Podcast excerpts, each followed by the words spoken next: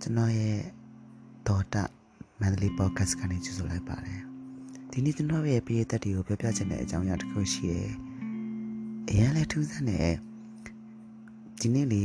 ဆရာဝင်းဖေရဲ့မီလာလဲဆိုတဲ့ short story တစ်ပုဒ်ကိုကျွန်တော်ဖတ်ခွင့်ရပါတယ်အကြောင်းအရာတိုက်ဆိုင်လို့ပဲပြောရမလားဒါမှမဟုတ်လေကနေရကြောင့်ပဲပြောရမလားမသိဘူးအဲ့ဒီဝတ္ထုတို့တစ်ပုဒ်ကိုဖတ်လိုက်တဲ့အချိန်မှာ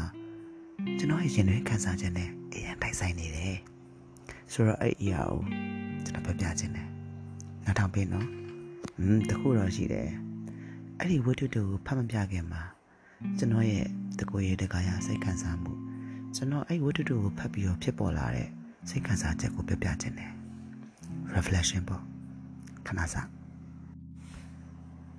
အရာတော့ထူးဆန်းတဲ့အရာမဟုတ်ဘူးဆရာရေးထားတဲ့အရာတွေကဒီလောကထဲမှာဖြစ်တည်နေတဲ့အကြောင်းအရာတွေပဲရေးထားတာ ဒါပေမဲ့ကျွန်တော်နဲ့အရန်တိုက်ဆိုင်နေတဲ့အခါကျတော့အဲ့ဒီအရာတွေကကျွန်တော်တို့ထူးဆန်းစရာတွေဖြစ်လာတယ်ကဲတော်ပြီအပိုးလေးမပြောတော့နားထောင်ကြည့်ပြီနော်ပေးဆက်ခြင်းနဲ့ရယူခြင်းကိုဘယ်ရာပုံမြင့်မြတ်တယ်လို့ခွဲခြားသိမြင်စေတယ်လေရယူလိုသူတွေအတွက်တော့တောင်းဆိုရတာမခက်ခဲပေမဲ့ပေးဆက်သူအတွက်ကတော့ တော်ရုံနှလုံးသားနဲ့ဆွန့်လို့ခြင်းမျိုးနဲ့မရနိုင်ဘူး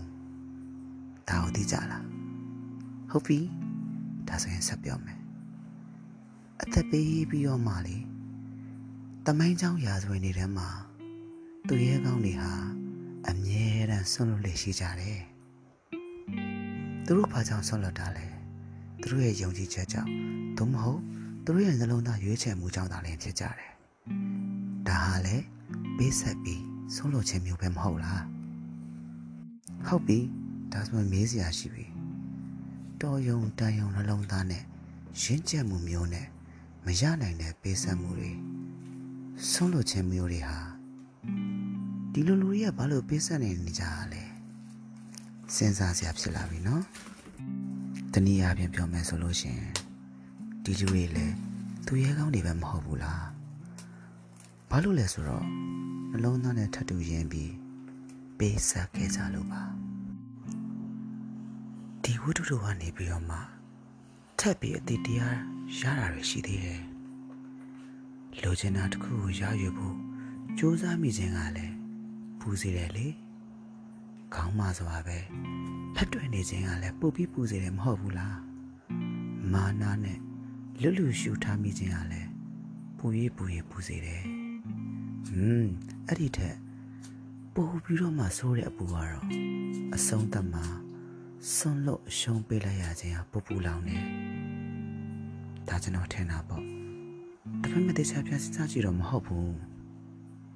ဆွန့်လို့နေတာခံခြင်းဟာပူလောင်တယ်လို့ထင်ရပါမယ်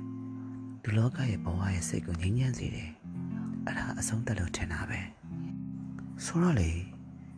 ကျွန်တော်ဘော့ကတ်ကအရန်ရှိသွားမှလဲဆိုရင်လည်း နောက်ထောင်တဲ့သူတွေပြင်းသွားမှလည်းအရန်ဆိုရင်လည်းဒီလောက်နေပဲရက်လိုက်မယ်ခင်ဗျားတို့ရောဘယ်လိုတွေးလဲဘယ်လိုစဉ်းစားမိလဲအကြံဉာဏ်ပေးချင်တာများရှိရင်ကျွန်တော်ဝင်ပြီးအကြံပေးလို့ရပါတယ် okay